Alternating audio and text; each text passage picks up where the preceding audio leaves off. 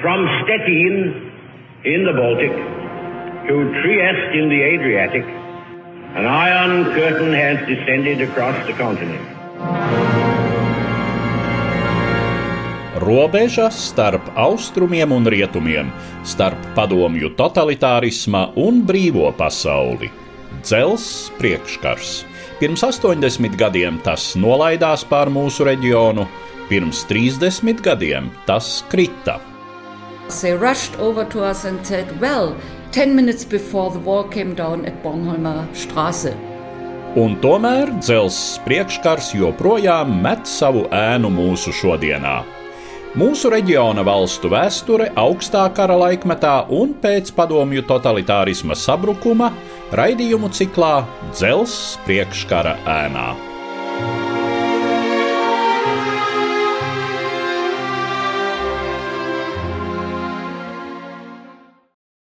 Labdien, cienījamie klausītāji! Šodien mūsu raidījumā pieskarsimies Latvijas kaimiņu valsts Igaunijas liktenim padomju totalitārisma periodā. No vienas puses Latvijas un Igaunijas padomju socialistiskajām republikām bija visvairāk kopīga, ja novērtējam visas Maskavai pakļautās totalitārās impērijas provinces. Tomēr bija arī daudz atšķirīga.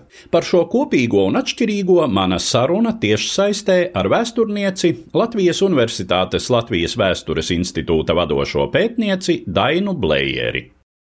Visumā, ja mēs runājam par sovietizācijas sākuma periodu, bez šaubām Latvija un Igaunija ir savstarpēji daudz vairāk kopēji nekā tas ir Latvija ar Lietuvu vai Igaunija ar Lietuvu. Un es domāju, ka tas galvenokārt izpaužās divos aspektos. Viens aspekts ir tas, kā veidojās vietējā nomenklatūrā, vietējā valdošā virsotne.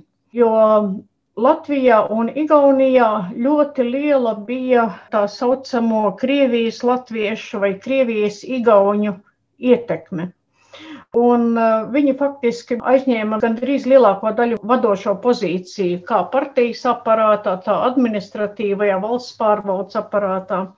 Igauni tos sauc bieži vien Jestlane, tātad, respektīvi, tā mīksti izrunājot, Igaunis ir Estlane, viņu tādas mīkstās izrunas dēļ. Un um, no šīs grupas bija arī Igaunijas partijas pirmais sekretārs Nikolais Karatons, kas ieņēma šo posteni kopš 1944. gada un kuru 1950. gadā tā saucamās Igaunijas lietas ietvaros atcēla no mata. No šīs grupas bija arī nākošais centrāla komitejas pirmais sekretārs Ivans, jeb vēlāk Johannes Kebins, kurš bija šajā amatā līdz 1978. gadam. Viņam sekoja Vaino, kurš arī bija no Krievijas igauniem, pie tam ļoti slikti runāja igauniski un vispār bija stipri jau tāds asimilēts cilvēks. Gan Igaunijā un Latvijā līdz ar to izpaudās pretrunas starp dažādām nomenklatūras grupām, kur noteica šis fakts, ka Tie, kas 20. un 30. gados bija darbojušies pagrīdē, tie bija izteikti mazākumā nomenklatūrā, un, lai gan viņus cienīja un atzina viņu nopelnus, tomēr viņus centās atbīdīt no amata. Otra lieta ir tā, ka līdzīga industriālā bāze gan cariskās Krievijas laikā, gan starpkaru periodā, kā Igaunijā, tā Latvijā bija attīstījusies samērā laba industriālā bāze. Un tas bija tāds izteikts pamats sociālistiskai industrializācijai. Respektīvi, Ziemeļ-Igaunijā, tāpat kā tas notika Rīgā un Rīgas aglomerācijā, ļoti strauji tika attīstīta industrija, kas prasīja daudz darba roku, un šīs darba rokas tika iepludinātas Igaunijas gadījumā pārsvarā no Krievijas. Faktiski visa Ziemeļgaunija no Tallinas līdz Narvai bija tāds sociālistiskās industrializācijas reģions. Un Igaunijas gadījumā tas balstījās uz degakmens raktuvēm un degakmens izmantošanu. Pirmajos pēckara gados pārsvarā no degakmens ieguva gāzi, kuru piegādāja Ļeņingradai, kā arī kurināmo Baltijas flotē. Vēlākajos gados, 40. gadu beigās, jau sāka būvēt slēgto pilsētu Silamē, kurā būvēja urāna bagātināšanas fabriku, kuru arī sākotnēji šo urānu ieguva no degakmens, pēc tam piegādāja degakmeni no socialistiskajām valstīm un no Padomju Savienības raktuvēm. Un vēlāk attīstījās Narvas tec, kas izmantoja degakmeni un kas ražoja elektrību un vēl joprojām ražo elektrību, kur izmanto gan Krievijā, gan arī Latvijā, gan Lietuvā. Es domāju, būtiskākās atšķirības ir tajā aspektā, ka Igaunijā bija divas galvaspilsētas. Tātad bija administratīva un ekonomiskā galvaspilsēta Tallina, un bija kultūras un izglītības galvaspilsēta Tartu. Un tā ir diezgan būtiska atšķirība. Jo izglītība un kultūra zināmā mērā varētu teikt, īpaši humanitārā izglītība. Igaunija attīstījās varbūt, teiksim tā, drusku brīvāk nekā tas notika Latvijā. Viens iemesls man šķiet ir arī tajā apstāklī, ka tie kolaboracionisti, pārsvarā no kreisajiem sociālistiem, kas 1940. gadā iegāja Igaunijas valdībā, kuru vadīja Johannes Barbarus Vares, ka viņi bija diezgan nozīmīgi humanitārās inteliģences pārstāvi, tādi kā dzinieks Johannes Sempers, tādi kā vēsturnieks, un uh, vairākus gadus viņš bija arī Tartu universitātes prorektors Hans Krūs, tādi kā Nigols Andresens un tam līdzīgi. Un cieņa pret humanitārajām zinātnēm, humanitāro ievirzi, tā saglabājās arī turpmākajos gados, kamēr Latvijā, teiksim, nomenklatūras vidū attīstījās izteikti tāda šauri tehnokrātiska pieeja. Lai taisītu karjeru, vēlama bija Rīgas Politehniskā institūta vai lauksaimniecības akadēmijas izglītība, bet, teiksim, humanitāra izglītība netika cienīta un, principā, humanitārās zinātnes visu laiku atradās pabērnu lomā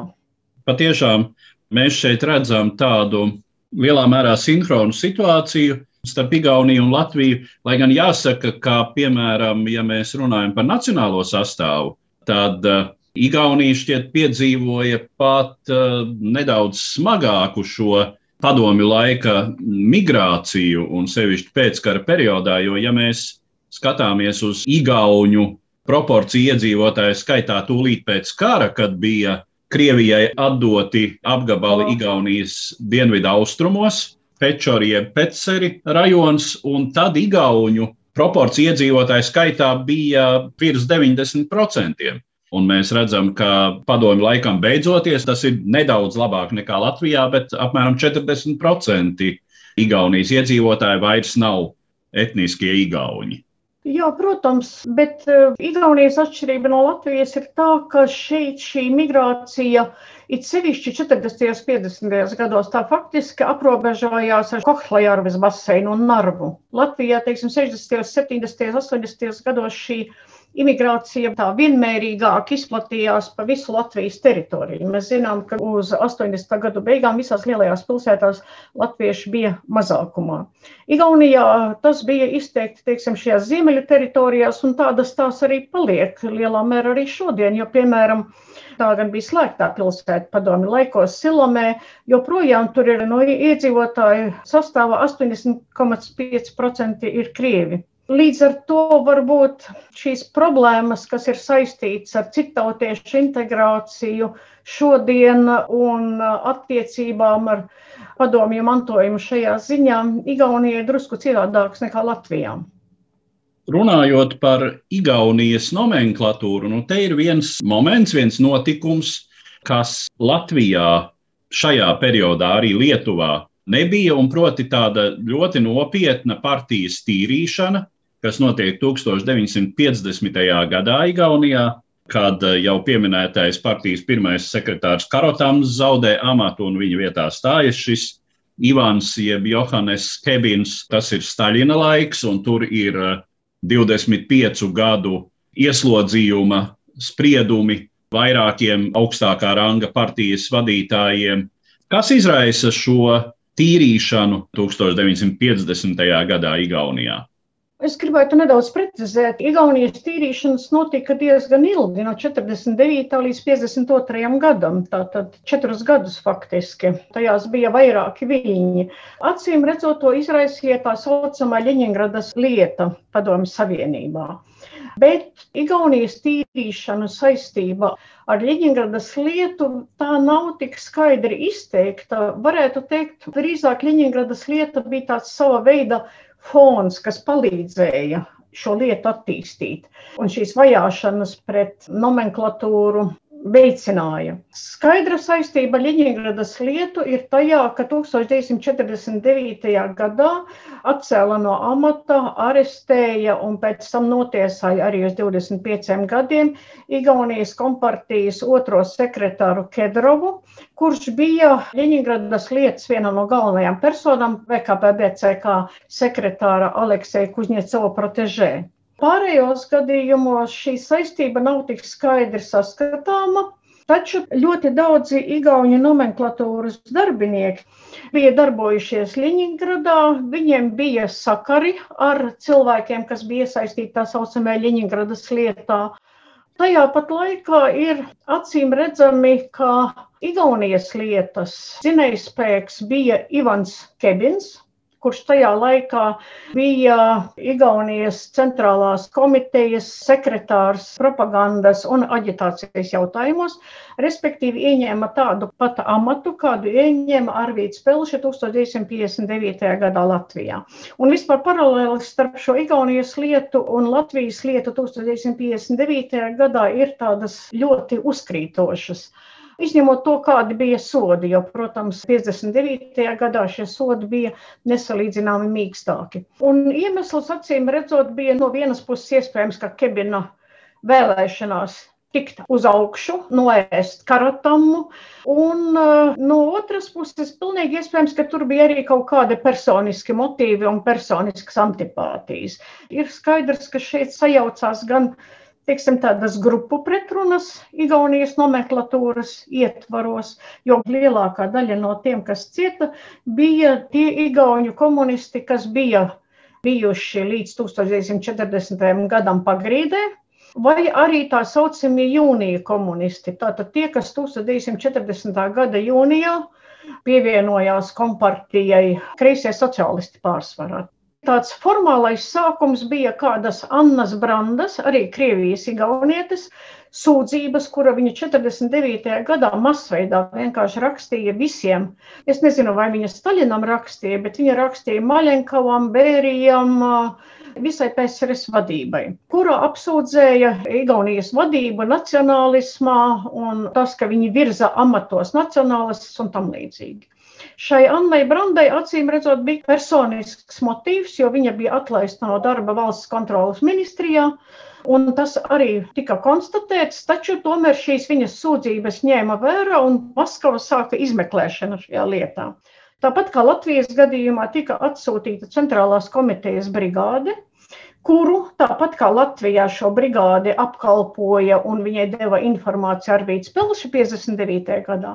Tāpat arī 49. gadā, 50. gadā Ivans Kebins cītīgi deva informāciju šai brigādei un beigu beigās lielā mērā pateicoties viņa pūlēm arī tika sastādīts tāds negatīvs slēdziens par Nikolēja Karatam darbību kā partijas pirmajam sekretāram. Viņš tika atcelts no amata, pēc tam tika atcelts Arnolds Veimers, ministru padomes priekšsēdētājs, pēc tam sekoja citas atcelšanas no amata. Šajās tīrīšanās cieta apmēram 400 kā augstākās nomenklatūras, tā arī humanitārās inteliģences pārstāvji.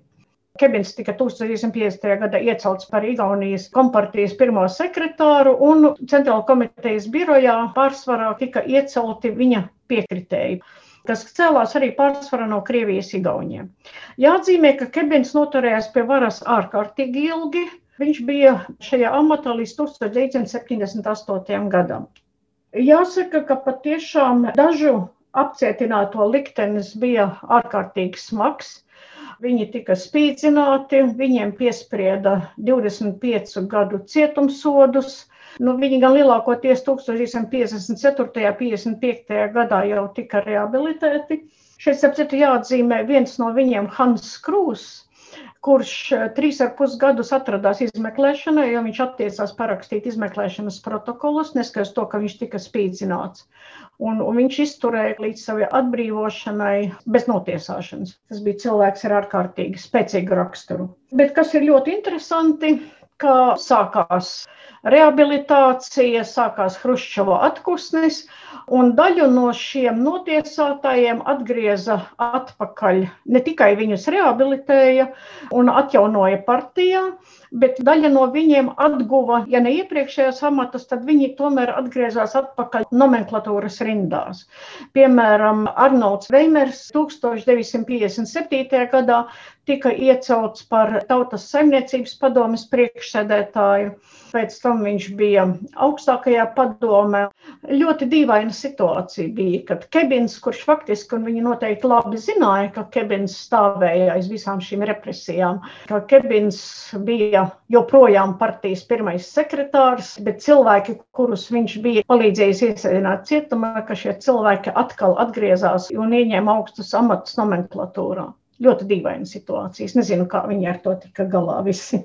Jā, runājot vispār par Ivāna jeb Johannesa Kebina personību, nu kas jūsuprāt ir tas, ka viņš tiešām izrādījās šāds ilgdzīvotājs pat padomju nomenklatūras standartiem un uh, spēja pielāgoties, nu tā tad acīm redzot, vispirms uh, Staļinam, kur viņš panāca savu, bet pēc tam palika savā vietā arī Hruščova laikā, un pēc tam, acīm redzot, spēja pietiekami labi sastrādāties arī ar Brežņevu. Jā, acīm redzot, šajā ziņā Kebens ir noteikti ļoti interesanta personība. Viņš bija tāds ārkārtīgi elastīgs cilvēks, kurš spēja pielāgoties dažādiem laikiem. Un viens iemesls noteikti, kāpēc viņam izdevās tik ilgi noturēties pie varas, ir tas, ka viņam acīm redzot bija ļoti labi sakari Maskavā. Dažkārt literatūrā var sastapt apmēram tādu apgalvojumu, ka viņš tā teikt ir norobežojies no Maskavas 60. un 70. gados. Nu, nekā tam līdzīga. Principā neviens partijas pirmais sekretārs, vispār augstākās nomenklatūras pārstāvis, nevarēja saglabāt savu amatu, ja viņš kaut kādā veidā norobežojas no Maskavas. Priekšnoteikums bija labi sakari Maskavā. Acīm redzot, viņš šos labos sakarus bija atradis un prata tos uzturēt. Neskatoties to, ka teiksim, 70. gados bija dažādi studentu nemieri, bija disidenta kustība, kas Igaunijā bija daudz izteiktāka nekā tā bija Latvijā. Neskatoties to, viņam visu laiku izdevās atsist jebkādus mēģinājumus viņu nomainīt. Lai gan šādi mēģinājumi bija. Varbūt, teiksim, atradās Maskavā arī citi cilvēki, kas uzskatīja, ka Kebins jau ir savu laiku pārdzīvojis un ka viņu vajadzētu nomainīt pret kādu citu līderi. Varbūt teiksim, tāpēc, ka viņš bija relatīvi jauns. Viņš bija dzimis 1905. gadā un citu nodzīvoja ilgu mūžu. Viņš mira 1999. gadā Tallinā. Viņa vecāki 1916. gadā bija pārcēlušies uz Krieviju un netālu no Ļeņingradas uz Gačinu. Un kā 20. gadu komjaunietis, 30. gadu komjaunietis un partijas darbinieks, viņš daudz ko bija pieredzējis un iespējams, ka viņš arī kaut ko prata no tā visa mācīties viņš saprata to, ko saprata daudzi, bet ne visi varbūt atzina un ne visi prata to īstenot praktiskajā politikā. Viņš saprata to, ka, lai padomju Igauniju turētu savās rokās, ir nepieciešams ņemt vērā ne tikai Maskavas viedokli un ne tikai būt labiem sakariem Maskavā, bet kaut kādā ziņā ir jārēķinās arī ar Igaunijas iedzīvotāju viedokli, ar Igauņu domām. Un viņš ļoti veikli prata tomēr zināmu cieņu pret Igaunijas kultūru, pret Igauniju tradīcijām, apvienot ar labiem sakariem Maskavā un ar prasmi to visu pasniegt tā, kā Maskavai būtu vēlams.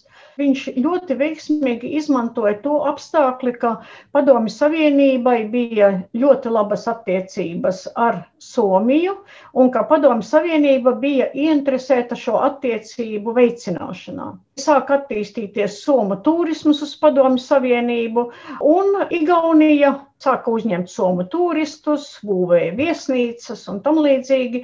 Un, protams, ņemot vērā kultūras sakarus, valodas līdzības, kultūras līdzību un tam līdzīgi, tas pavēra arī Igauniem kaut kādu logu uz ārpasauli.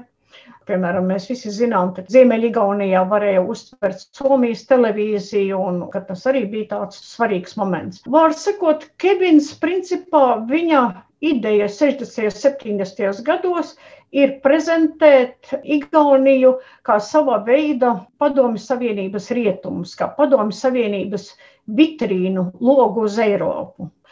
Tas, protams, nebija viegli, jo līdz ar to, ka Igaunijā valdīja nedaudz lielāka ideoloģiskā brīvība nekā tas bija Latvijā, nu, piemēram, literatūras, mākslas jomā, mūzikas jomā, protams, līdz ar to arī bija vairāk nemiera, gan studentu nemieri, gan radošās personības uzstājās, rakstīja kolektīvas vēstules un tam līdzīgi. Ar to visu nācās tikt galā, bet tajā pat laikā tas tomēr kaut kādā ziņā visu laiku uzturēja arī igauņu pašapziņu un viņu to sajūtu, ka viņi atšķirās no visiem citiem padomju savienībā, ka pie viņiem tomēr ir, kā saka, tas eiropeiskākais, rietumnieciskākā padomju savienības daļa viņi ir un ka viņiem ir kaut kāds zināms handikaps un zināmas priekšrocības. Ja mēs atgriežamies pie Kevina, tad bez šaubām viņš parādīja savā ziņā fenomenālas pielāgošanas un lavierēšanas spējas un, es teiktu, arī raksturu, protams, jo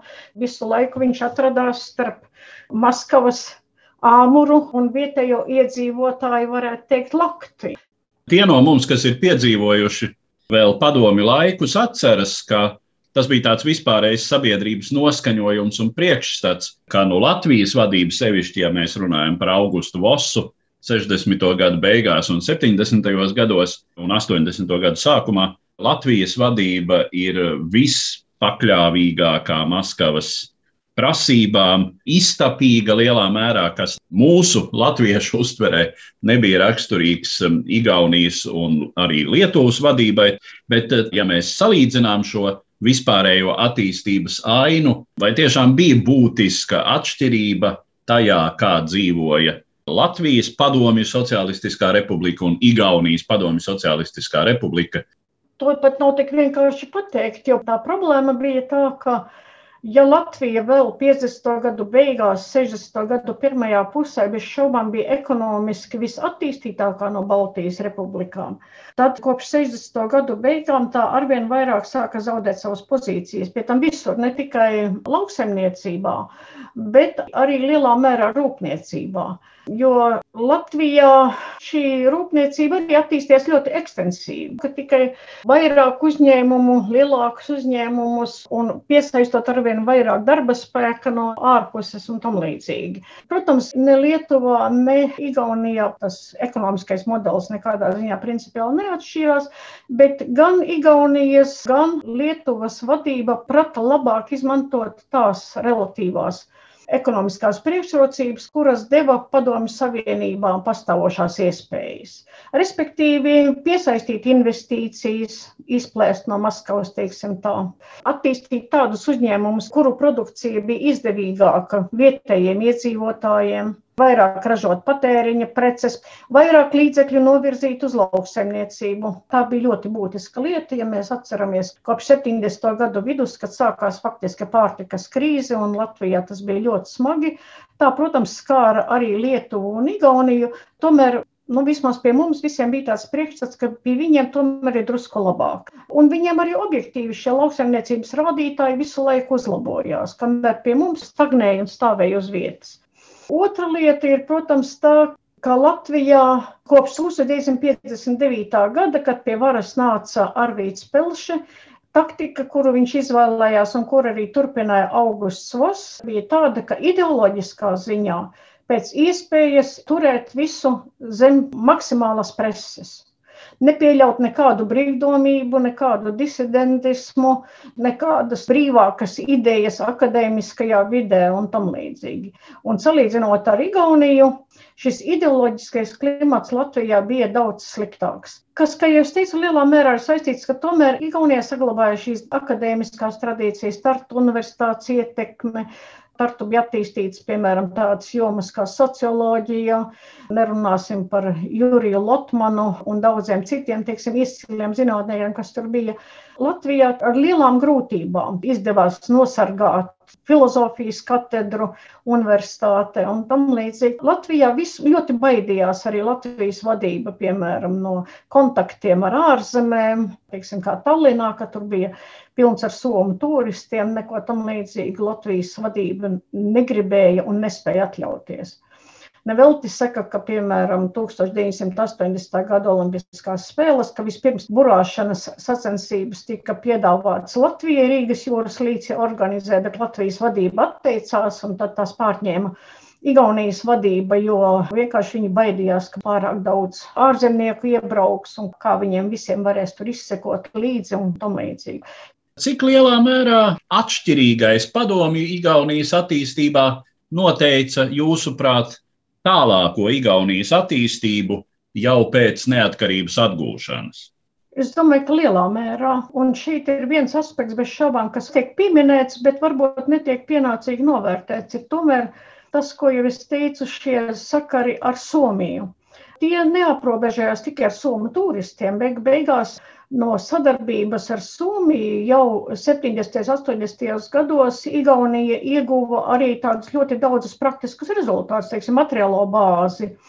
Ja mēs atceramies, ka jau perestroikas laikā 80. gados būvēja Igaunijas Nacionālo biblioteku, kuru atvērt 90. gadu sākumā, bet viņi jau bija no ārzemēm noskatījuši, kādā veidā tam laika modernas bibliotekas ir jāorganizē, un, teiksim, visa tā aparatūra, iekārta, mēbeles, viss pārējais Teiksim, lielā mērā tas bija pasūtīts Somijai. 80. gadu beigās, kaut kad mēs bijām ekskursijā Igaunijas vēstures institūtā, un viņi ar lepnumu rādīja speciālus skapjus arheoloģijas materiālu glabāšanai, kas bija piegādāti jau no Somijas. Par kaut ko tādu mēs toreiz varējām tikai sapņot.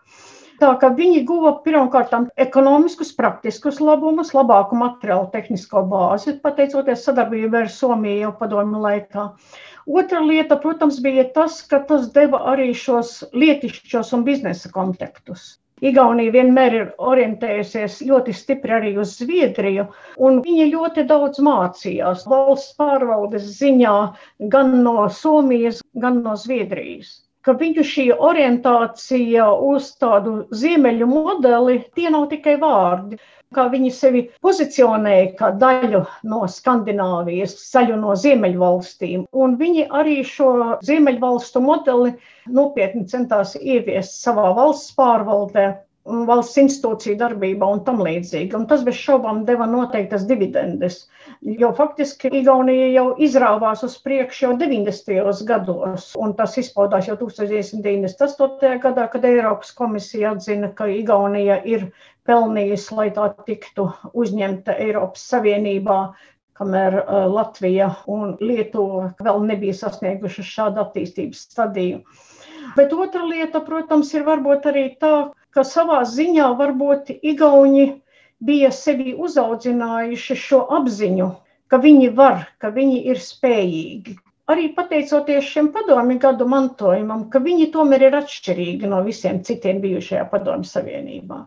Varbūt mums tas nepatīk, bet viņi beig beigās, teiksim, to, ko viņi varēja izdarīt, lai saglabātu savu nacionālo pašapziņu, to viņi padomju iekārtas apstākļos maksimāli bija izdarījuši. Un tas ir ļoti būtiski. Varbūt tas ir Igaunijas nacionālajā raksturā. Es nezinu, lai gan diezgan grūti runāt par nacionālo raksturu kā tādu. Man liekas, ka viņi vispār skaidrāk prot noformulēt, ko viņi grib panākt un kā viņi to grib panākt. Atcerēsimies kaut vai ir tā anekdote par Ļeņina pieminekļa novākšanu. Igauni piezvana Somiem, lai atsūta celtni un dažu stundu laikā piemineklis ir novākts. Ko dara latvieši? Latvieši organizē komisijas, kas spriež par to, kādā veidā novākt Ļeņina pieminekli. Tā ir tā varbūt diezgan liela atšķirība starp mums. Līdz ar to izskan mana saruna ar vēsturnieci, Latvijas Universitātes Latvijas Vēstures institūta vadošo pētnieci Dainu Blējeri par mūsu kaimiņu valsts Igaunijas likteni padomju totalitārisma periodā. Uz redzēšanos, cienījamie klausītāji! Cik platu ēnu joprojām met pirms 30 gadiem kritušais dzelzs priekškars? Mūsu reģiona valstu vēsture padomju totalitārisma periodā un pēc šīs sistēmas sabrukuma - raidījumu ciklā Dzelzs priekškara ēnā. Katra mēneša pēdējā trešdienā pēc pulksten trijiem pēcpusdienā Latvijas Radio 1.